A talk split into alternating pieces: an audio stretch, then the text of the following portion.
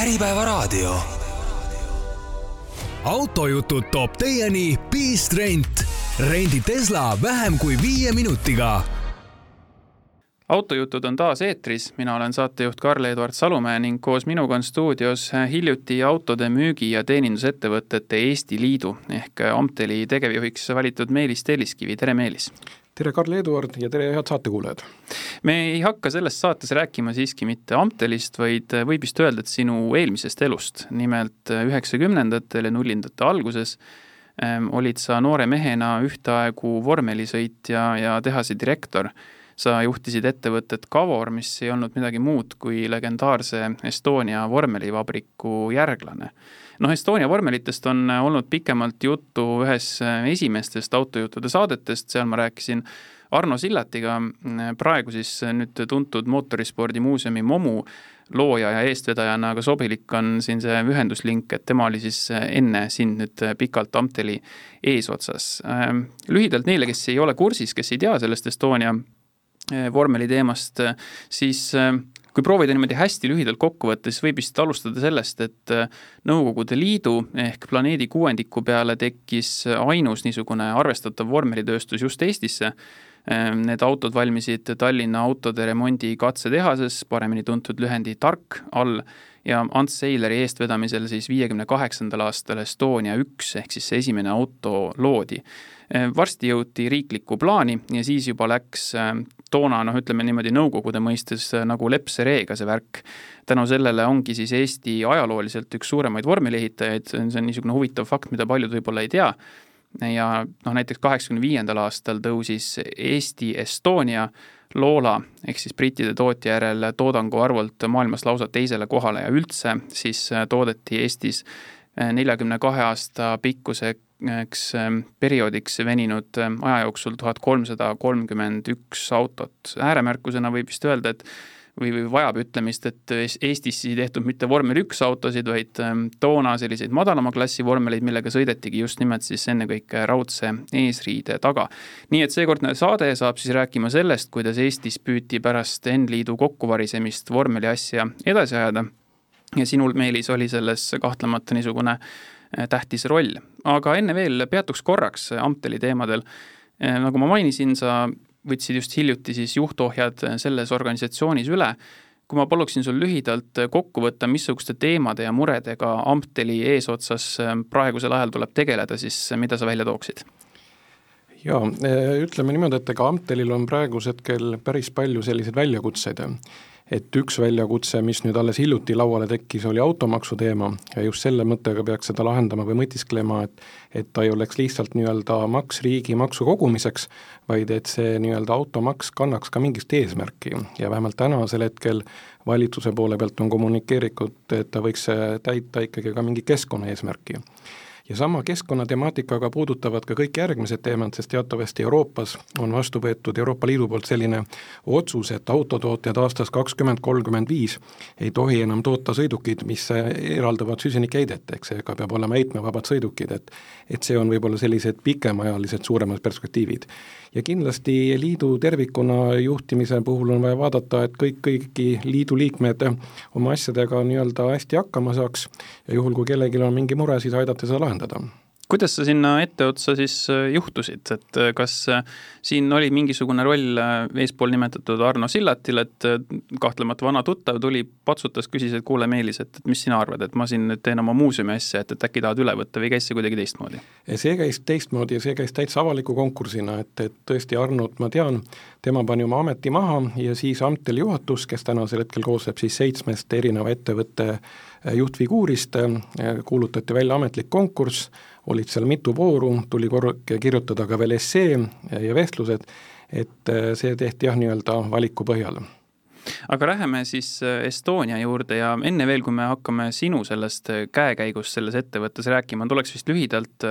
proovida niimoodi kahe peale lahti rääkida, et mis kõik oli juhtunud kaheksakümnendate teises pooles, üheksakümnendate alguses. maailm hakkas siis siit Eestist vaadatuna kõvasti muutuma, asjalood muutusid ka ja siinkohal ma teen ise otsa lahti ja ma toetun just nimelt sellele eespool viidatud saatele Arno Sillatiga, kus tema siis tegi niisuguse ringvaate ja Äh, alustada tuleb vist sellest, et äh, jah, tõepoolest äh, tarkis valminud Estonia vormelid olid siis saanud riiklikusse plaani sisse, seega mõnes mõttes neid Estonia vormeleid kaitses, teised nagu väga sinna juurde löögile ei pääsenud, aga kaheksakümnendate keskpaigas seal ühes Gorbatšovi sula ja perestroikaga hakkas asi muutuma, tellimusi hakkas laekuma kaugemaltki ja siis kaheksakümne kaheksandal aastal loodi ühisettevõte Estek, sinna siis panustasid ENSV poole pealt ministrite nõukogu autobaas, kes ehitas majad, aga siis äh, huvitav oli see äripartner, äh, siis Saksamaa suur tuuningufirma Oettinger, äh, kes investeeris sellesse ettevõtmisesse kõvasti, plaan oli hakata tootma vormel kolm autosid, selleni veel ei jõutud, mõni aasta hiljem see ettevõte läks omadega hingusele, kuigi see niisugune väljavaade tundus vahepeal väga suur. Kokku jõuti toota kõigest kuus autot, küll aga see oli võib-olla esimene niisugune hoop Estonia vabrikule, sellepärast et paljud head inimesed, kas või näiteks Raul Sarap, kes kaheksakümnendate alguses pinnaefektiga vormeli oma tarkusest eh, valmis ehitas Estonia kakskümmend üks, siis läks näiteks ka Esteki, sellepärast et tõesti, nagu ma mainisin ka, väljavaated olid väga suured. Mis siis Estonia endaga hakkas juhtuma kaheksakümne üheksandal aastal, kui mu andmed ei peta, eraldus see siis sellest samast Tallinna autode remondi katsetehasest Eh, sellest sai riiklik väikeettevõte Kavor, see nimi on siis tuletatud sõnadest kart ja vormel, sellepärast et kartautosid toodeti ka, nähtavasti siis lühend Vort tundus nagu mitte nii suupärane. ja varsti sai siis ettevõte ka Ida-Saksa, noh, nimetame jutumärkides investori, kes paraku osutus selliseks parajaks aferistiks, ta viis inimesed miinimumpalga peale, tekkisid mässud ja selle kõige tulemusena tehas kaks aastas, kaks aastat seisis. lõpuks saadi sellest vennikesest siis lahti, aga üles oli jäänud Äh, selline kõva maksuvõlg, mida riik just nimelt sellele ettevõttele arvestas, mitte ei nõudnud idasakslase käest seda tagasi. ja seetõttu ei saanud tehase kollektiiv äh, ettevõtte erastamisel osaleda soodustingimustel ja see omakorda viis siis selleni, et, et senine koht, väga magus Hobujaama tänava kinnistu, ähm, sellest jäädi ka ilma. ma nüüd küsin sinu käest, Meelis, et kas see ülevaade sulle tundus niisugune täpne ja adekvaatne või sa tahaksid midagi olulist veel siia lisada? Jah, tegelikult sinu ülevaade oli väga täpne tõesti, et, et nii paraku see juhtus, et, et sellised sellised, ütleme, kaks sammu, esimene oli muidugi ühelt poolt positiivne, et see Estek moodustati, sest tegelikult alati, mida mina ütlen seda, et mida tugevam on konkurents, seda tugevam on ka nii-öelda lõpptulemus, aga tõesti, et see idasakslane tuli ja need kaardid nii-öelda täitsa sassi keeras, tegi tegelikult meeletu karuteene kogu selle Eesti vormelitööstusele ja tehasele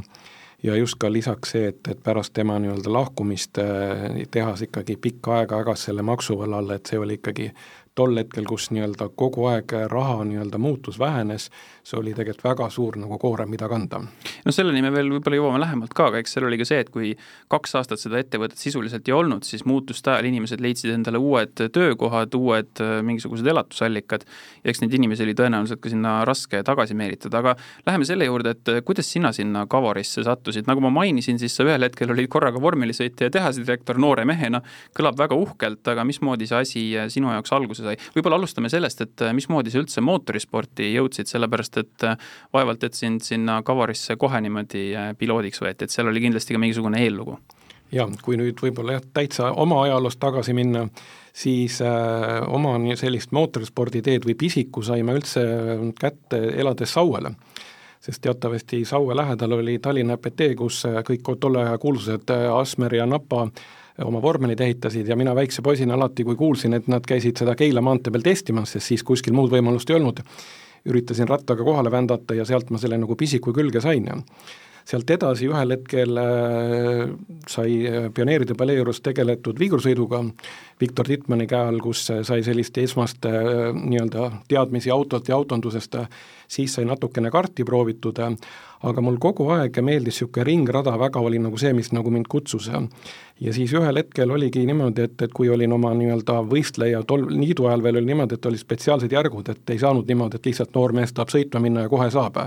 Et siis seal vigursõidu ja kaardiga sai teatud nii-öelda sellised äh, tingimused täidetud ja ühel hetkel oli nii suur soov ikkagi ringraja pääseda, siis äh, tänu oma heale vennale, kelle kaasabil äh, ostsime siis Paidest ühe vormeli. ja sellega on ka niisugune kurioosne lugu, et et Vene ajal veel rubla eriti midagi ei maksnud, siis see vahetus toimus videomaki eest, et omal ajal videomakk oli niisugune täitsa veel rohkem kui valuuta hinnangus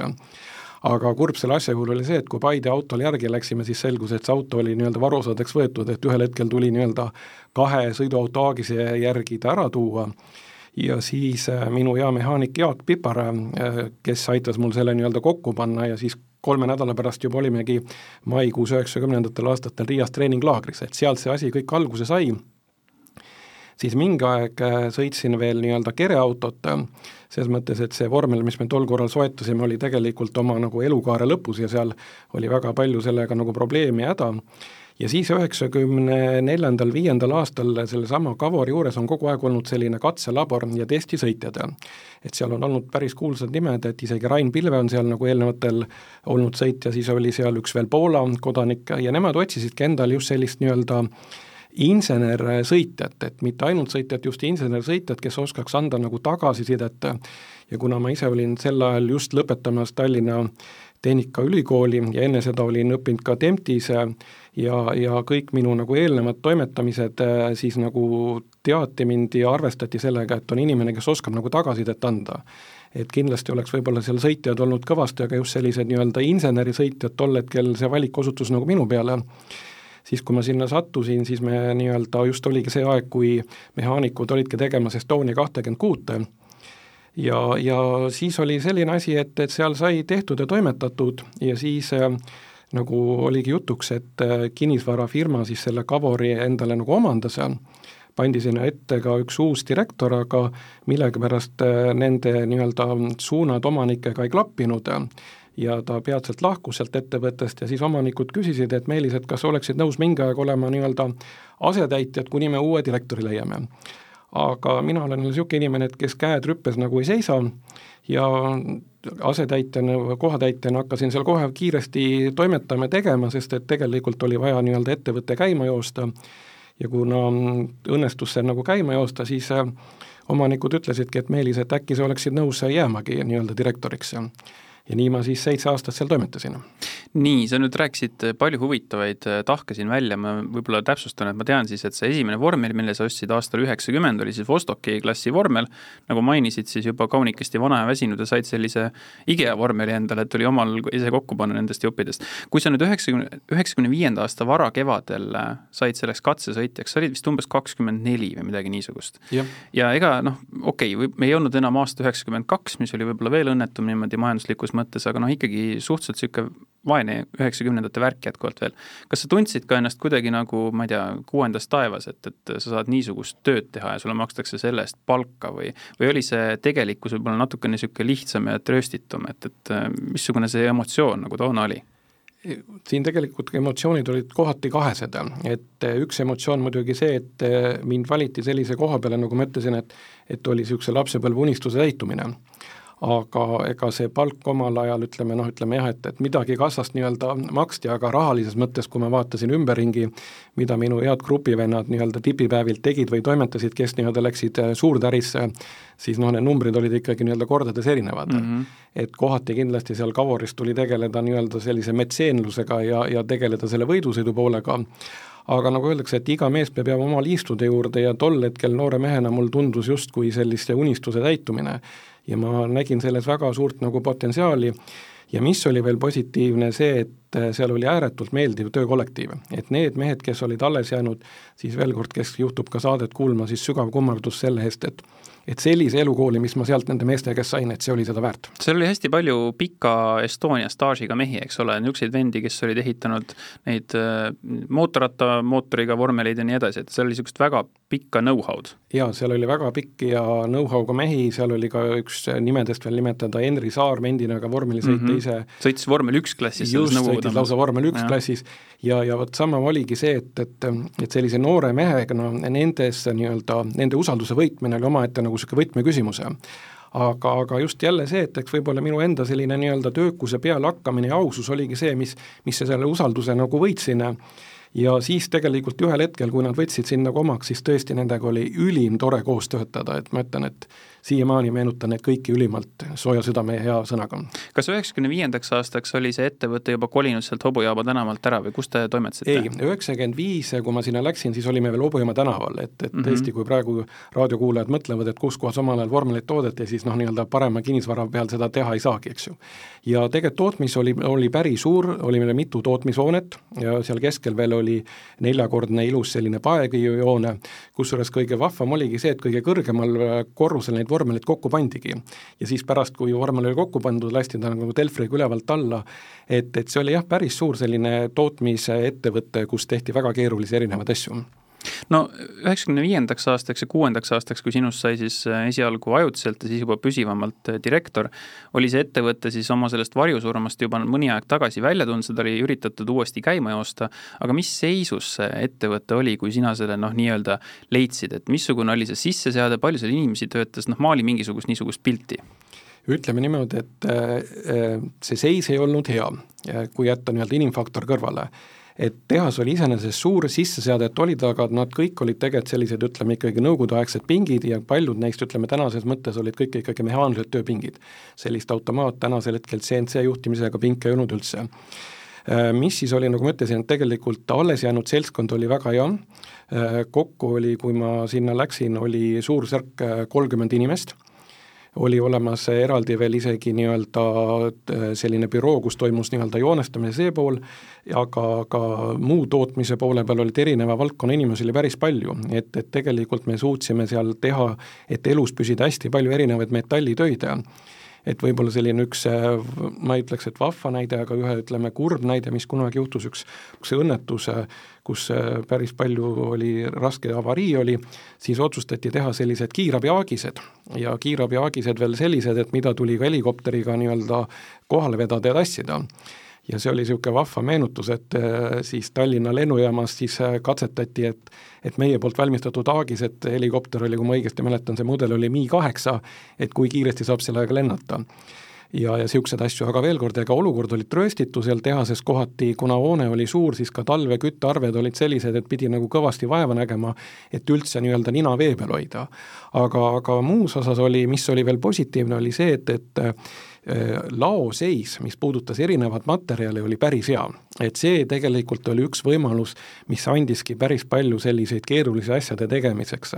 et teatavasti Vene ajal materjalid olid hästi kvaliteetsed, just see, mis sinna Kavorisse omal ajal kokku toimetatud ja tänu nendele kvaliteetsetele materjalidele õnnestus nii-öelda teha päris kvaliteetseid erinevaid töid, mis omakorda võimaldas seda, et nagu materjali ainult laost võtta, et seda ei pidanud nagu juurde otsima või hankima et see oli niisugune nii-öelda, ehk vastates su küsimusele, et mõnes mõttes oli nagu keeruline olukord, aga mõnes mõttes oli just hea selline positiivne tõuge, et kuidas nagu edasi liikuda. kuna sa metallitöid mainisid ka, siis siinkohal ongi paslik äh, niimoodi ära märkida, et Kavor Metalli nimeline ettevõte on tegelikult siiamaani olemas, nii et kui selle ettevõttega kokku puutub äh, keegi kuskil, siis võtku teadmiseks, et see on siis nagu kaudselt siis see, mis on Estonia vormelivabrikust nagu kuidagi tänasesse üle kandunud või alles jäänud. aga jah, neid töid, ma saan aru, et, et ega vist seal selles mõttes niimoodi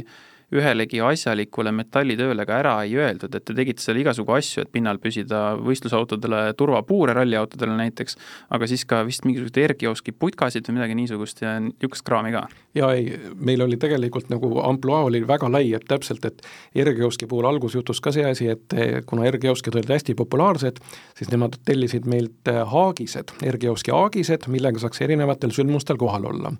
ja kuna need meil hästi õnnestusid, siis ühel hetkel õnnestus hakata tegema ka nii-öelda paigalseisvat putkasid. ja lisaks äh, just hästi keerulised metallitööd erinevatel ehitusobjektidel, et siin vanalinnas oli hästi palju roostevaba selliseid käsipuid ja asju, kus vajas nii-öelda imekäsitöö tegemist, et ja nagu ma ütlesin, et need töömehed, kes omal ajal mul seal töötasid, need suutsid ikkagi metallist oma kätega imeasju valmis teha, et, et see oli täitsa uskumatu tõesti. palju sa selle töö juures selle üheksakümnendate niisuguse noh, praegusel ajal kohati nagu ulmelisena tunduva pöörasusega kokku puutusid, et oli teil mured seal, ma ei tea, ka hämarate vendadega, varastati teilt midagi, ahveriste, midagi niisugust, et palju seda nagu elu ja melu seal oli? oi, seda oli, seda oli palju palju, sellepärast et, et kuna me paiknesime ka ise päris kesklinnas, eks ju, Hobumaa tänaval, siis tuli kindlasti seda teha, et oli väravavalvur, kes kogu aeg kontrollis, et kes tahab sisse tulla, kes mitte, sest et tihtilugu seal nii-öelda ootamatut külalisi kippus aeg-ajalt territooriumile tulema. Ja muidugi oli ka selliseid, nagu sa ütlesid, et erineva taustaga nagu selle et, et äh, seal tihtilugu pididki nagu arvama, et kui keegi tahtis ka endale Viimsi villasse mingisuguseid basseinitreppe või asju, siis äh, pidid nagu tükk aega ikkagi mõtlema, et kas nii-öelda pärast seda raha saad või mitte. aga teisalt oli see, et, et kui nende nii-öelda selliste hämaramate tegijatega ausat asja ajad ja näevad, et millega sa nagu toimetasid, siis õnneks meil selles mõttes sellist probleemi ei tekkinud, et keegi oleks justkui selle toimetamisest kesklinnas veel tahtnud lisaraha, et teatavasti mingisugune selline tegevus ka üheksakümnendatel käis, et sa pidid veel aeg-ajalt nii-öelda katuseraha maksma, et õnneks sellest meil õnnestus nagu kõrvale hiilida või, või pääsesime sellest probleemist. aga jah, et tihtilugu ikkagi aeg-ajalt oli selliseid äh, selliseid nii-öelda kahtlasi vennikesi, kes üritasid kuidagi nii-öelda midagi nii-öelda endale nagu lihtsamini saada, et aga kas sa seda ka tundsid, et inimesed teadsid, millega te tegelete, teadsid seda ajalugu, eks ju, ja kuidagi, et, et võib-olla nagu oldi ka selle tõttu teie suhtes kuidagi heatahtlikumad või kaasaaitajamad, et, et palju seda niisugust tunnet oli? jah, sa ütled päris õigesti, et seda oli tegelikult selgelt tunda, seda oli nagu selgelt tunda ja ma vaatasin ka näiteks osade tellijate puhul, et noh, kindlasti lõppmääravaks oli ka hind, eks ju, aga teisalt oli ka oluline see, et nagu ma ütlesin, et ehitusobjektidel on oluline ka tähtaeg ja kvaliteet. ja just see temaatika, et, et kuna me alati pidasime tähtaegades kinni, meie kõik asjad nii-öelda sobisid, eh, siis tihtilugu oli see põhjus, miks telliti. võib-olla üks ka vahva näide veel siit, et et kunagi maailmanäitusel, EXPO näitusel oli Eesti paviljon, kus teatavasti olid sellised nii-öelda porgandikujulised kuused katusel ja sinna tegelikult me tegime sisse sellised hästi suured ja keerulised äh, ekraanid. Ja need ekraanid koosnesid seal mitmetest osadest ja tol korral oli niimoodi, et minu härrasmehed sinna Annoferi neid paigaldama ei läinud, paigaldas seal vist üks Viljandi hästi hea ettevõte ja nemad ka pärast kiitsid, et esimest korda nad nägid, et kõik jupid läksid nii omavahel kokku, et mitte midagi ei olnud vaja üle puurida või, või midagi keevitada või toimetada. ja lisaks pärast veel minu insenerid, kes seal kohal olid, aitasid ka need nii-öelda porgandid õigetpidi käima panna, sest seal oli kettülekanne ja aeg-ajalt seal oli see nii pikk kettülekanne, et, et ta lihtsalt äh, pingutajad olid pandud valele poole, et, et niisugune elementaarne eksimus, et saime ka need korda, aga jah, sellist kindlasti oli kasuks ja ja, ja paljude ettevõtete puhul oli ka see, et, et tuldi just uurima, et mida te teete ja toimetate ja ja siis, kui nägid, et saame nagu aidata, siis ka koostöö laabus. kui niimoodi nalja visata, siis kui mõtlema hakata, siis ega vormelauto ja mingisugune rauast porgand on ka suhteliselt sarnase kujuga, et mis, mis siis seal nüüd viga see nüüd valmis teha. aga kas need hämarad sellid lisaks äh, käsipuudele asjadele autosid ei küsinud, ei tahtnud osta? ei, vot huvitav oli see asi õnneks jah, et, et nende jaoks tol korral niisugune võib-olla noh, tegelikult ega siiamaani täna on see vormel on niisugune võib-olla liialt niisugune nišitoode. Mm.. et kui me oleks tegelenud mingisuguse autotuuningu või mingi muu teemaga, siis ma arvan, et oleks nad klõpsti olnud kohale aga ma arvan, et nendel olid palju tähtsamad tegevusi, kui, kui veel vormelitega sõita või toimetada, et selleks nad õnneks jah, nii-öelda hoidusid. no aga sellel üheksakümnendate keskpaigas ja hiljem ka siis juba teises pooles ja nii edasi, et kui te seal tegite erinevaid töid, et äh, vee peal püsida ja, ja, ja noh, muude niisuguste olmeliste asjadega oli ka nagu oli, siis millest selles ettevõttes toona nagu unistati või mis see ambitsioon või eesmärk oli? no tegelikult ega suurem ambitsioon oligi see, et, et säilitada see vormeli tootmine mm.. et, et siin tegelikult juhtus võib-olla sellised nii-öelda asjad, et kuna kuna tol hetkel, kui Kavorile väga hästi läks, siis oli suur Nõukogude Liit ja olid nii-öelda üks tellimus. ühel hetkel, kui piirid vabaks said, siis tegelikult ka paljud võidusõitjad hakkasid sisse tooma nii-öelda Läänemarki vormeleid sama nii, nagu juhtus ka autoturul, et enne me sõitsime kõik siin mhm. Nõukogude Liidu päritolu autodega ja ühel hetkel, kui turg avanes, siis tulid teised sisse ja tegelikult nagu äh, väljakutse tol korral oligi, et suuta Eestis toota nii kiiret vormelit, et nende lääne äh, nii-öelda konkurentidega võistelda, et see oli üks selline nii-öelda võidusõidu valdkonnas selline suurem väljakutse ja, ja kindlasti ehituse või ütleme siis metalli poole peal, et olla selline nii-öelda äh, saada selliseid tellimusi, mis oleks pidevalt nagu sul ütleme, suuremad tellimused, sest tihtilugugi kulus hästi palju aega ka mingi hinnapakkumiste tegemistele ja kuna sa ei teinud nii-öelda väikeseeriat, vaid pigem oli niisugune iga töö oli individuaalne, siis see võttis hirmus palju aega, ennem kui sa said nagu tööd tegema hakata ja selle raha kätte saada. Et hästi palju niisugust unistasime, et sellisest stabiilsemast nii-öelda tööst, et see oli võib-olla selline suurim nii-öelda väljakutse. no tänapäeval paljud iduettevõtjad siin Eestis ähm, julgevad ka unistada niisugustest maailmavallutusplaanidest, et kas äh, üheksakümnendatel oli ka nagu seda, et, et vaat kunagi me ikka teeme niisugust võimsat tööstust siin, mis, mida ostetakse suures osas maailmas, et noh, et ajalugu, mis äh, selja taga oli, justkui võinuks nagu niisugust ambitsioonikust toetada või, või te mõtlesite ikkagi natuke maalähedasemalt, et kuidas sa seda vaimsust äh, kirjeldaksid? Et tegelikult me ikkagi olime natuke maalähedasemad, sest me olime nagu selles olukorras, kus me saime aru, et et äh, tol korral leida endale nagu tänases mõttes nii-öelda investorid oli väga keeruline. sest et ärimehed, kellel oli vaba raha, siis pigem paigutasid nad äh, oma ettevõtlusse või äh, võimaluse korral ka erastasid nii palju ettevõtteid kui võimalik et äh, sellist, ütleme, ülisuurt maailmaplaani vallutamist ei olnud, sest tegelikult me ikkagi andsime endale aru, mis ümberringi teised riigid ka, ütleme, oma vormelitega teevad. aga kindlasti meil oli endal selgelt markeeritud ära, et sellise, ütleme, hobiklassi või harrastusklassi tasemel vormelit me ikkagi plaanisime toota sellist, mida saaks siin nii-öelda Skandinaavia maades või isegi Inglismaal nagu kasutada meil siin isegi ühe nii-öelda näidise saatsime Ameerika Ühendriikidesse, et tegelikult ju Ameerika ja Inglismaa on täna kaks sellist riiki, kus selline võidusõit on hästi populaarne. et, et pigem ma ütlen jah, et vastates su küsimusele, et me olime niisugune jalgupidi maas, et me nii-öelda ei läinud täitsa nii-öelda mõtetes kosmosesse, aga igal juhul me mõtlesime tol hetkel nii-öelda suurelt, sest see oli lihtsalt vajadus, et et kuna Eestis ikkagi see turg ja ütleme, oli nagu väike, et, et saada nagu väljapoole seda nii-öelda teha toodangut, et, et et see oli jah, sellised mõtted tol korral. jätkame sellega, et sa mainisid ka investoreid või selliseid võimalikke investoreid, kes käisid huvi tundmas. üks niisugune huvitav fakt võib-olla, mis autosõpradele midagi ütleb, on see, et Briti autotootja DVR-i või TVR, nüüdseks ka hingusele läinud kuulus Blackpooli tootja, tegi pikalt väga niisugusi noh, ikkagi väga isikupäraseid sportautosid. isikupära väljendus muidugi ka selles, et nad kippusid lagunema ja võib-olla juhitavus oli veidi eluohtlik ja nii edasi, aga noh, see selleks aga asja lõpuks nagu ühegi investoriga ei saanud, aga kas üks põhjus oli ka see, et Eesti oli ikkagi natukene liiga palju veel Nõukogude Liit, et, et noh, et me olime liiga vaesed, liiga võib-olla korrumpeerunud veel, noh, see meie kultuur oli niisugune, mis investoreid ettevaatlikuks tegi ja nõnda edasi või pa-, pakud sa mingisuguse muu põhjuse siin välja? Ma arvan, et äh, su nii-öelda selle välja toodud põhjusena üks kindlasti oli see, võis olla, et, et kas just see korrupeerunud, sest et tegelikult, kui nad need erinevad alal käisid meil kohal, siis nad said aru, et tegelikult on niisugune kamp fanaatikud, kes me seal nii-öelda Hobujamaa tänaval toimetasime, tegime, aga kindlasti nad võib-olla ka ikkagi lootsid seda, et, et meie tehniline tase oleks natukene veel võib-olla kõrgem või midagi sellist. ja just sellesama TVR-i puhul oli ka see, et et kuna ääremärkusena tol korral, äh, kui nad käisid, siis meil enam ei olnud seda nii-öelda klaasplasti osakonda endal. enne seda tegelikult Kavoris tehti ka see klaasplasti ja keredetailide pool täitsa ise ja siis tegelikult nad lihtsalt vaatasid ja kaalusid ja kuna neil oli veel paar nii-öelda sellist variatsiooni,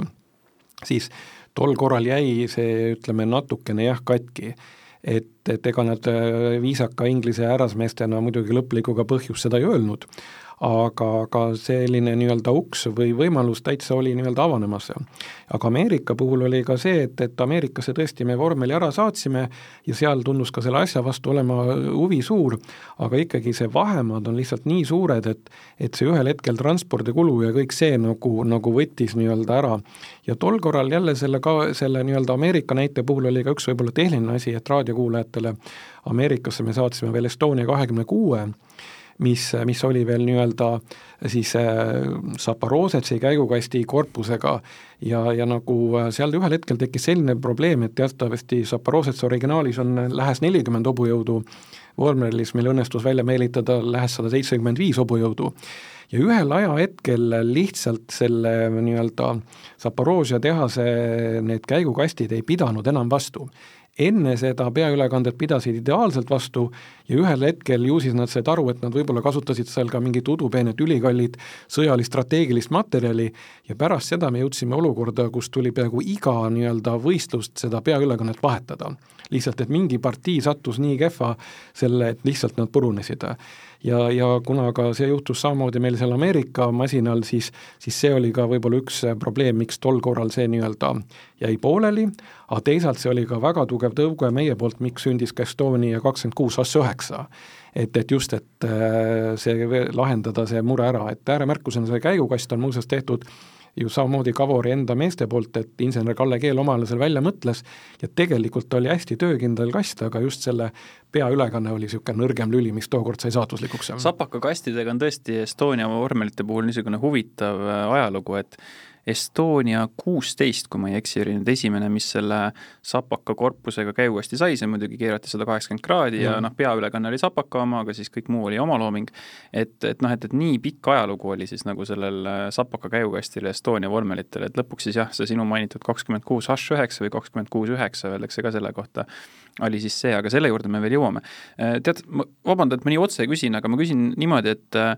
noh, te üritasite seda Eesti vormeliasja elus hoida, pakkuda ikkagi mingisugust niisuguse harrastajate tasemel äh, sellist masinat, mis oleks konkurentsivõimeline ja nii edasi aga kui need sellised äh, üksikud äh, näited, nagu eks ju, üks auto USA-sse niimoodi välja arvata, siis kas laiemalt keegi nagu üldse ootas ja tahtis ka neid autosid või kui suur see niisugune tahtmine nende autode järgi oli, kas siis Eestis, kas Venemaal või siis kuskil, ma ei tea, ütleme Euroopa poole peal. et, et äh, kas te tundsite nagu seda, et, et teil hoitakse heas mõttes silm peal, et kui sealt nüüd midagi tuleb, siis vaatame kohe, et, et, et ostame võib-olla mingi pinu. või tuli ikkagi pigem niimoodi tikutulega neid niisugusi huvilisi otsida ja nagu meelitada meelitada või nagu ära veenda, et, et meil on niisugune toode välja tulemas või juba tulnud, mis, mis oleks nagu täitsa hea? no ütleme niimoodi, et kui vaadata nüüd nagu Vene poolt, kus ennem oli väga suur nii-öelda turg, siis teatavasti üheksakümmend viis kuni üheksakümmend kaheksa oli Venemaal niisugune väga jõhker selline majanduskriis mm. -hmm. ja seal jäi käputäis huvilisi jäi alles, aga just nagu kasutades su väljendit, sellist pinu või suurema partii ostmiseks seal ka tol hetkel nagu huvi ei olnud aga teisalt Venemaal oli see asi, et ka venelane on kogu aeg iseennast nagu ka hästi kõrgelt nii-öelda äh, siis paigutanud või, või ennast nagu määratlenud, et ühel hetkel ääremärkusena, et üheksakümne üheksandal aastal tegid lausa ka oma vormeli. Nemad muidugi tegid nii, nagu tavaliselt, võtsid ette vormel äh, nii-öelda Renault ja joonestasid selle üks-ühele maha, panid sinna vahele ladaauto ja nii see vormel neilgi sündis et, et aga Eesti poole pealt, nagu ma ütlesin, et nõudlus oli noh, sama probleem, et tegelikult oli ka Eestis raha, oli tol hetkel oli ju rahareform olnud ja ega siis väga palju, ütleme sellist kohalikku võidusõitu noh, oli raske nagu toetada, et ikka uus auto maksis päris palju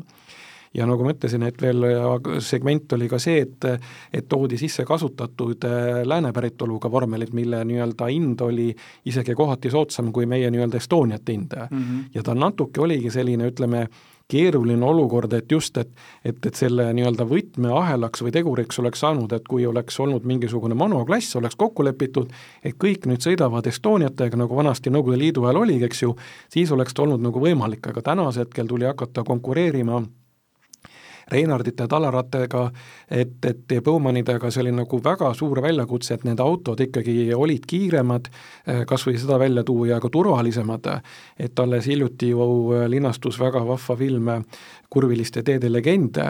et äh, kui tegelikult vaadata ka vormelisõitjad, siis noh, ütleme niimoodi, et ega need olid veel hullemad Münchhausenid kui tol korral, sest vähemalt need, kes nende Lada FTS-idega sõitsid, nendel oli turvapuur ümber ja ja ikkagi plekk kest, mis küll ühel hetkel juba poisid tegid alumiiniumist, aga no vormelisõite oli see, et sisuliselt sa istusid toruraamiga selle vidinas, kus sul Estonial kahekümne ühel näiteks olid veel telad eespool esisilda, ja kihutada sellega kuskil kakssada nelikümmend, kakssada viiskümmend kilomeetrit tunnis, takkajärgi mõeldes, et noh, päris vist kõik ikka seal üleval korrusel paigas vist ei olnud. pidurid olid ka nagu olid, eks? just, ja pidurid olid ka nagu olid, et, et, et need olid jah, sellised nii-öelda väljakutsed, mis tol korral said võib-olla selliseks nagu keerulisemaks. aga üks muidugi lisan siia juurde, mis, mis viimaste Estoniate mudelile nagu positiivne külg oli see, et sinna mahtusid ka suuremad poisid sisse. et see oligi sellise võib-olla hobisarja mõte, et et kui tavaliselt vormelisõitja puhul on see, et ta peab olema kindlasti hästi nii-öelda kiitsakas, lühikest kasvu ja ja niisugune kerge poiss, et vormelisse üldse sisse mahtuda, siis Estonia pluss oli ka see, et et sellised vähe nii-öelda turskemad härrasmehed said ka seda vormeli naudingut proovida. no see annab mulle vähemasti lootust, et võib-olla õnnestub mul ka ühel päeval oma sada kaheksakümmend üheksa sentimeetrit ja üheksakümmend kilo mõnda Estoniasse ära mahutada, et peaksin mahtuma, jah? jaa, kindlasti mahub, et aga nelikümmend viis jalaga läheb keeruliseks ka, ei lähe? kakskümmend kuue puhul ei lähe, et, et seal ühel hetkel see oligi tegelikult just meie mõte, et, et sellise harrastusklassiga klassi jaoks, et oli natuke niisugune suurem, et sinna sa kindlasti veel mahud sisse ära nii-öelda. Eh, no ühesõnaga, sind kuulates eh, ma võtan kuidagi niimoodi lühidalt kokku, et, et eh, probleem oli siis nagu mõneti ju see, et selles planeedi kuuendikus seespool raudset eesriiet tehti ju tegelikult oma asja nagu jube ägedalt, eks. ja oleks sealt viiekümnendate lõpust mm, siis nagu ava-, avaramate piiridega niimoodi arenetud, siis oleks ju ilmselt nagu suudetud ka nende niisuguste läänemaailma reeglite ja tehnikatega nagu kohaneda. aga ühel hetkel nagu piirid läksid lahti, nagu sa mainisid, need pruugitud väga head lasemel F3 autod, Reinhard, Tallara, ma ei tea, Ralt, kes seal veel tootsid, eks ju, need tulid kohale. Ja siis oli nagu, eks ju, siin endises Nõukogude Liidus nagu majanduslikult väga keeruline aeg, polnud ka nagu seda raha, millega kohaneda. Ja no siis oligi nagu natukene niisugune moll-lõhki olukord, eks? Jah, just, ja just selle tõttu juhtuski niipidi, et kuna sa pidid konkureerima nendega mm., et, et tegelikult vormeli puhul, kui me vaatame nüüd täna sellist ajagraafikut tagasiulatuvalt, siis ongi juhtunud niipidi, et alles nüüd, võib-olla mingid aastad tagasi on hakatud neid monoklasse tegema. et see vormel kolm tegelikult oligi niisugune, võib-olla ütelda, et natuke latt oli liial kõrgelt aetud, et, et nad olid tehtud ikkagi tol korral erinevad tootjad omavahel nagu võistlesid ja see oli, ütleme, liialt suur nagu amps tollel hetkel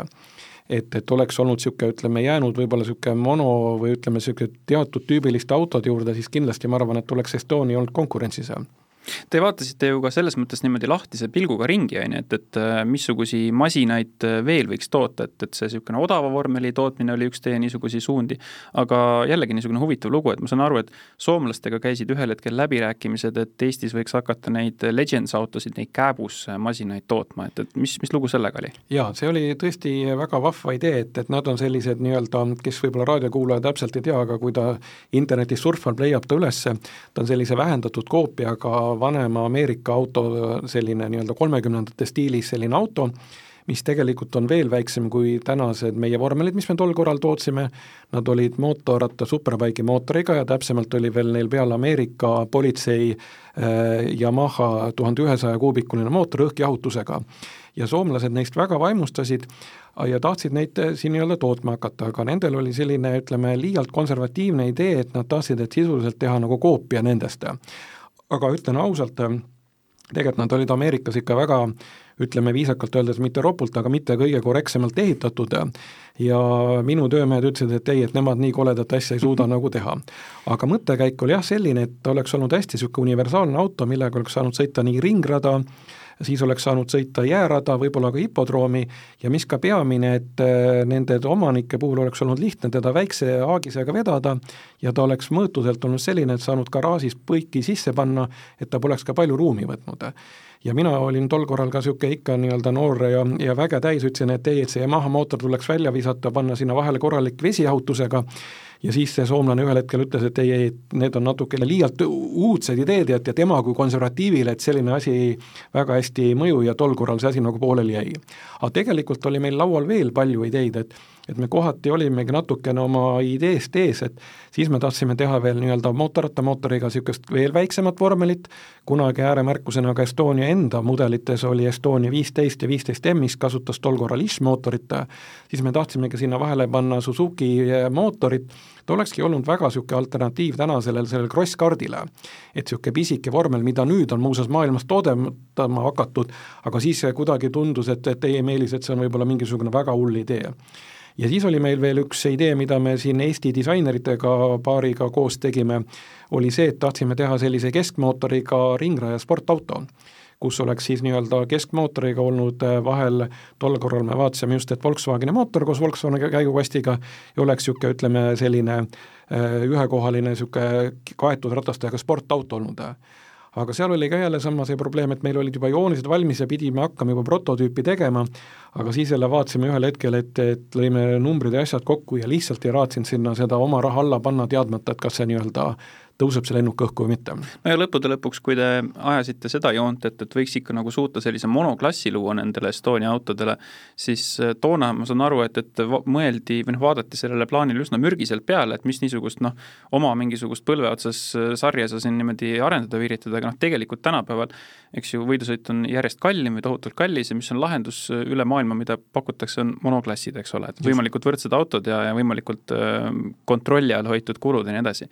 ühesõnaga, aga üheksakümnendatel ja, ja nullindate alguses valmisid siis kaks Estonia mudelit, Estonia kakskümmend kuus, mis oli siis, nagu sa mainisid ka, Estonia kahekümne viie, kaheksakümne üheksandal aastal välja tulnud Estonia kahekümne viie edasiarendus, Estonia kakskümmend kuus tuli välja üheksakümne neljandal aastal. Aga siis ma tahan rohkem rääkida sellest viimaseks jäänud Estoniast, kakskümmend kuus üheksa või kakskümmend kuus Hush üheksa, aastatuhande vahetumise ajal just siis nagu seda autot näidati ja tutvustati see siis väljast nägi tä-, noh, samasugune välja nagu Estonia kakskümmend kuus, aga tegelikult sees oli ta hoopis teine pipar. et ma saan aru, et, et mitte toruraam ei olnud seal all, vaid monokokk juba, äh, seal olid siis seesama Hewlandi käigukast, äh, mida sa mainisid, sealt vist ka see Hush üheksa, jah? Äh, AP pidurid, noh, ühesõnaga lääne tehnikat sisse pandud, mootor oli eespool ja madalamal, aga mis minu kui tollal lapse jaoks kõige olulisem selle auto juures oli, oli hoopis tead mis see, et see oli tibukollane. et noh, et varasemad need Estonia vormelid olid olnud niisugused valged, midagi, millegagi kombineeritud, aga siis toona sai see auto maalitud tibukollaseks. kas see oli kuidagi nagu selle taotlusega, et noh, et hakkab paremini silma või? jah, tegelikult oligi ja, ja muuseas Estonia kakskümmend kuue üheksa kohta saab veel seda ütelda, et, et Eesti Postiga õnnestus ka selle kohta teha lausa mark. et, et ka filateelihuvilistel, et ka selline mark on olemas, aga jah, nii nagu sa ette lugesid, selle mõttekäigu oligi niimoodi, et Estoniate puhul see numeratsiooniga on selline asi, et et äh, number vahetub siis, kui välisel vaatlusel suudad mudelit eristuda et sellepärast tegelikult, kuna see kakskümmend kuus ja kakskümmend kuus üheksa välisel vaatlusel olid suhteliselt sarnased, siis sellepärast ei saanud teda nimetada Estonia kahekümne seitsmeks mm. -hmm. aga jah, täpselt nii, nagu sa ette lugesid, et, et kõik need muudatused sai seal tehtud eh, just selle tõttu, et võistleda nende vormel kolmedega ja kindlasti see alumiiniummonokokk andis ka sellesama nagu sõitja poole ka turvalisust juurde ja, ja seesama käigukasti pool, et siin ka Inglise tehasega ja Hüülandiga pikalt läbi rääkisime, et just, mis sinna sobilik oleks ja ja nii see ilmavalgust see vormel siis meil nägi. aga see jäi üheks ja ainsaks, eks ju, et sina sõitsid sellega, hiljem sõitis Erko Valbaum sellega, praegu see auto siis kuulub äh, Momusse, mootorispordimuuseumi kogusse, seal saab seda uudistada, ja Estonia kahekümne, kahtekümmet seitset, millest ma vaatasin ühe vana uudiseartikli, otsisin välja, et kui oli kakskümmend kuus üheksa tutvustus, siis sa rääkisid, et järgmine aasta tuleb Estonia kakskümmend seitse, et seda lõpuks siis ei tulnudki, et mis mi,, mille taha see jäi, et miks see lugu otsa sai? no tegelikult äh, jah, nagu ma ütlesin, et meil selle kahekümne seitsme ideed liikusid kõvasti ja ühe ideena oligi, et just see kakskümmend seitse oleks saanud võib-olla see nii-öelda väiksem vormel, aga me tegelikult tahtsimegi näha tol hetkel, et, et kui palju või kuidas nagu turg meie nagu seda vormelit vastu võtab aga juhtuski just seesama asi, mida ma võib-olla siin saates nüüd olen mitmeid kordi olen nagu läbi kumanud, et et äh, kuna selle vormeli hind, noh kõik, et seal oli hästi palju juba ka ostutooted, eks ju, kõik need AP pidurid, käigukastid, ja nii edasi, nii edasi, et see juba selle ostutoodete juba hind läks nii kalliks, et tol hetkel, sellel ajahetkel me ei olnud konkurentsis. et veel kord, et kaks tuhat me ei olnud nagu konkurentsis aastal, et et kui täna sellist vormelit toota ja vaadata, mis on teiste vormelite klass, siis ma arvan, et, et oleks juba uuesti jälle nii-öelda konkurentsis või, või noh, sellise monovormelina oli ta tegelikult väga hea ja nagu sa ütlesidki, et tõesti, täna on ta see muuseumi auto, aga see auto muuseas iga aasta, praegu on ka Estonia selline Historics sari hästi populaarne ja iga aasta see auto alati nii-öelda sõidab ja ja ta on hästi selline nii-öelda vastupidav ja töökindel. et, et võib-olla tõesti me tol hetkel olime natukene ajast ees, sest vaata, ega aeg-ajalt ongi sellega, et et, et aeg peab olema küps õige toote nagu turule tulekuks et ja siis oligi just täpselt see, et, et neid vormel kolmesid hästi palju üritati sealt äh, võistelda, teha, toimetada, neid nagu jäi üle, ega täna on samamoodi ka nende monoklasside puhul ka, et need ka mingi paari aasta tagant teevad mingi uuenduse ja siis ka kas või sama see vormel Renault kaks tuhat klass, vormel neli, mis on tänases mõistes natuke erinev kui tol korral Skandinaavia vormeli neli olnud, et on natukene erinevad, aga lihtsalt ütleme jah, see, et, et ta võib-olla tol hetkel oli, oli lihtsalt nagu hinna mastaabist oli ta natukene nagu väljas, aga sa täna, kui vaadata pilte, siis ma arvan, et oleks sellise nii-öelda vormeli odavama järgi kindlasti nagu nõudlus, sest et täna tegelikult, kui vaadata ka seda, et Eestis on väga tugev kardiplejaad, et, et, et siit müts maha kõigi eest, kes on seda nagu teinud ja toimetanud ja siiamaani sõidavad, aga nendel ühel hetkel ongi, et kui väljakutse minna kohe edasi kuskile Euroopasse, on see tegelikult samm hirmus kallis et tegelikult võiks just olla siin selline nii-öelda mingid äh, vahelülid, äh, mida saaks võib-olla siin Skandinaavias või Baltikumis sõita ja oleks nii-öelda kuidagi selline rahakotisõbralikum nii et te siis põhimõtteliselt nagu tundsite ära, et, et poisid, et tore on olnud, aga noh, nüüd me oleme jõudnud oma mingisuguse loomuliku elutee lõppu, et, et see noh, te tajusite ära, et vanaviisi enam ei saanud jätkata, see on siis niimoodi noh, mitte lääne, ilma lääne tehnikata, ja lääne tehnikaga te ei olnud nagu hinna ja omaduste suhte mõttes enam konkurentsis. aga kas seal mängis ka mingit rolli see, et noh, et, et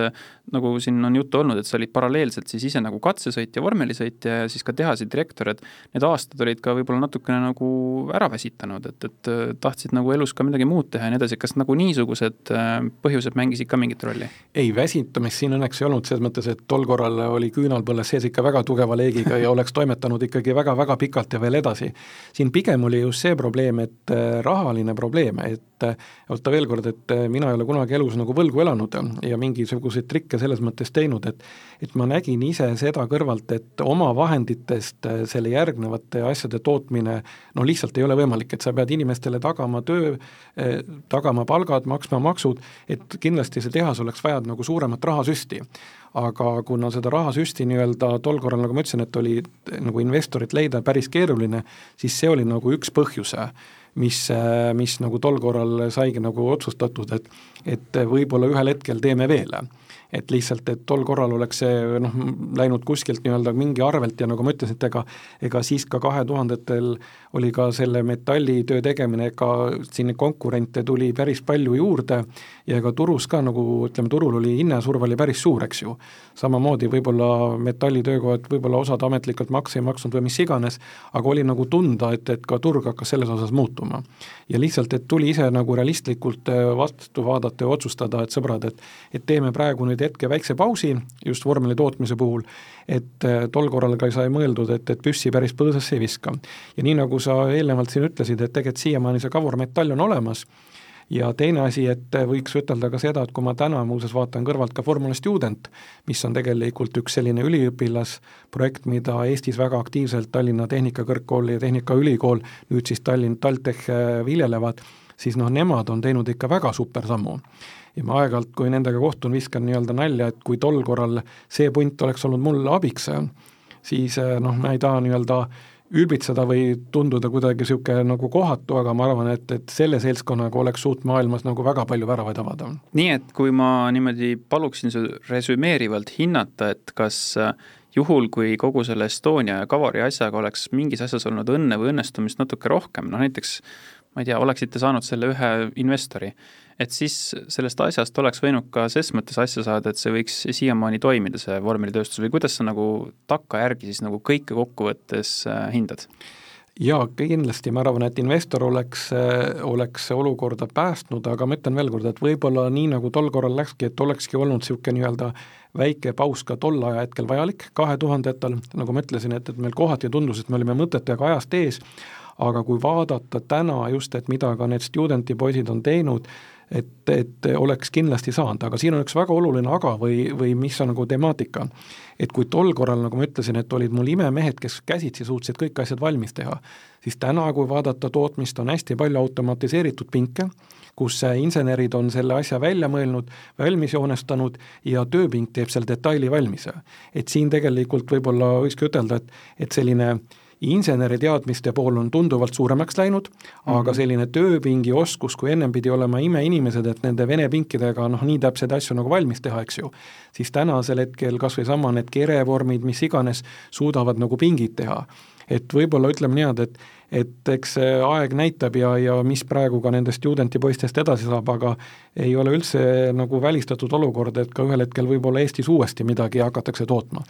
no mitte ainult, et sind kuulates ja, ja rääkides, kuidas ikka toona ka nagu plaan oli teha niisugune ajutine paus ja ja noh, okei okay,, nüüd sa siis juhid Amtelit, ma tean, et vahepeal sa oled töötanud vist EAS-is ja tegelenud siin trammiliiklusega siin, eks ju, Äripäeva toimetuse kõrval on trammidepoo, selles mõttes sobilik mainida. et mis sa nagu ise arvad, et noh, et praegu sa nüüd enam nii noor ei ole muidugi kui üheksakümnendatel või nullindatel, aga kas sa nagu oled enda peas jätnud äh, ukse lahti mõttele või võimalusele, et võib-olla sa oma tööelus veel jõuad ka vormeli asja ajada moel või teisel? no nagu öeldakse, et kunagi ära ütle never say never, nagu inglise keeles öeldakse. et eh, nagu ma ütlen veel kord, et, et seesama kamp, kes tänasel hetkel neid Formula Studenti asja poolt teeb, et et, et miks mitte, ega ma ütlen veel kord, et et kui turg oleks olemas, tahtmist oleks olemas, siis kindlasti võiks selle peale mõtelda, sest et praktika näitab, et et kogemused on olemas ja tegelikult see ei ole ka nii keeruline asi selle asja puhul, nagu tundub, et et kindlasti ma arvan, et täna, kui võtta Eesti nagu tootmismaaskonda, maastikku, mis lähevad võib-olla ekspordiks, siis paljud inimesed ei teagi, kui palju keerulisi asju tegelikult ka Eestis toodetakse. et kui vaadata ka võib-olla teiste riikide näited, siis sellised vormelitootjad kohati ongi ennast nagu positsioneerinud selliste meie mõistes täna tööstusparkidesse, kus äh, on allhankena võimalik teha kõik need CNC tootmised ja asjad, et, et seal ei ole tegelikult selle asja juhul üldse nii nagu keeruline olukord, et pigem peaks, peaks olema taga selline korralik finantsplaan, aga mis selle võidusõidu puhul on üks negatiivne pool see, et, et ta on niisugune liialt hooajaline. et kui sa toodad mingeid asju, mis iganes äh, arvuteid, äh, värke, siis sa saad nagu pidevalt toota, aga see võidusõit on ikka niisugune sinussoidne et, et see on võib-olla tootmise puhul teeb selle olukorra keerulisemaks, et kui sa teed mingit masstootmist, teed mingisuguseid a la vaipasid kuskil, nagu tänasel hetkel on ju tegelikult ka Eestis, et tehakse, nagu me teame ju, autotööstusel tehakse vaipu, tehakse päris palju elektri nii-öelda skeeme või asju, et siis on see nagu võimalik, kui sul suur asi ees on, eks ju, aga kui see on sul ikkagi natuke niisugune hooajaline, siis ta on natuke selline, ütleme nagu keeruline. aga vaadates täna neid projekte, mis siin nagu Eestis võidusõidu valdkonnas tehakse ja ka ettevõtted, kes on, ütleme, osutavad teenust ja ka need ähm, mehaanikud, kes on toimetanud, siis ma ütlen, et see ei olegi üldse nii väga utoopiline idee no Kavari aegadest võiks muidugi palju-palju pikemalt äh, rääkida, aga kuna aeg äh, meeldivas seltskonnas lendab kiiresti, siis viimase asjana ma küsin seda, et ma saate päris alguses võtsin niimoodi söakuse nimetada seda Kavari aega sinu eelmiseks eluks, et ähm, kui palju siis kogu, mitte ainult noh, vormelivärk, aga selline ringrajal kiiresti sõitmise asi sinu jaoks on mingisugusesse eelmisesse aega jäänud, et ma tean, et kaks tuhat üksteist vist tegid sa ühe sõidu kaasa vormeliga, aga palju sa näiteks äh, Audur ringrajal pärast selle rekonstrueerimist äh, kiiremaid ringe oled teinud, ükskõik millega? tegelikult olen, aga vot see on selline asi, mis nagu öeldakse, et see on nagu jalgrattasõit kohati, kuigi ta päris üks-ühele niipidi ei ole, sest et et ma võib-olla lõpetuseks tahaks ütelda, et see vormeliga sõitmine, ütleme, tava, mida rohkem sa tavaliikluses sõidad, seda kehvem sa tegelikult vormelisõidus oled, et selles mõttes, et et see, kus ütleme, vormeli juhul pead aga pidurdama hakkama, siis ütleme, alati kevadeti oligi see probleem, et see on nagu inimmõistuse vastane. et, et juba vaatad, et ise oled endaga seal monokokis juba nagu pahuksis, et et vaatad, et jalg on juba pidurile läinud, aga tegelikult seal tuleks veel põhjagaasiga minna. aga vastates su küsimusele, siis tegelikult sellest vormeliajast on väga head nagu sõprussidemed kõigi nende meeskondadega jäänud. Ja minu viimanegi kasvandik Kerko Vallubaum siis äh, iga aasta ikka kutsub mind vähemalt korra nii-öelda Pärnu autoringrajale, kus me siis Erko vormeli Renault'ga neid kiiremaid ringe seal nii-öelda teeme. Et selles mõttes, et õnneks käsi täitsa roost ei ole selles osas läinud ja ja, ja nende võidusõitude tegemistega olen kogu aeg pidevalt kursis. nii et ikkagi see jääb kipitama, et ikka aeg-ajalt on vaja nagu raja peal käia, et kui sa oled juba selle pisiku saanud, siis see maha hästi ei jäta ega see jah, nii on, aga, aga just ja täpselt, ega see pisik on hästi nagu ka positiivne, et ka liiklusohutuse mõttes. et äh, ma võin näiteks äh, au ja uhkusega ütelda, et äh, mina näiteks politseiga pahuksisse pole läinud. et selles mõttes, et kui sa ikkagi nii-öelda raja peal pead nagu ülikiiresti sõitma, siis tegelikult sa saad aru, et, et kus on nagu piirid ja nii linnaliikluses kui maanteedel, siis ma arvan, et kindlasti olen nagu eeskujuks paljudele nii et siit veel saate lõppu niisugune soovitus ka, et kui ikkagi nagu liikluses kipub jalg liiga raskeks minema, siis saab ennast ringrajal välja elada. aga Meelis, aitäh saatesse tulemast, üks niisugune huvitav tahk Eesti noh, vormeli ja ikkagi autotööstuse ajaloos sai sinu abiga vähemasti natukene kaetud ja kellel siis huvi, siis siin saates on mitmeid viiteid olnud, kes tahab kakskümmend kuus üheksat näha, see peab minema Turbasse mootorispordimuuseumisse. Ja kui kellelgi tekkis seda saadet kas või täiesti juhuslikult kuulama sattudes huvi kogu selle Estonia vormelivabriku ajaloo vastu, sealhulgas selle lõpuosa vastu, siis äh, seda toredam, aga soovin sulle edu ja jaksu Amteli tegemistes ja mine tea, võib-olla saame siis ühel hetkel rääkida taas ka mingisugustest vormeli tegemistest. mina tänan ka oma poolt ja soovin kõigile kuulajatele turvalist liiklust!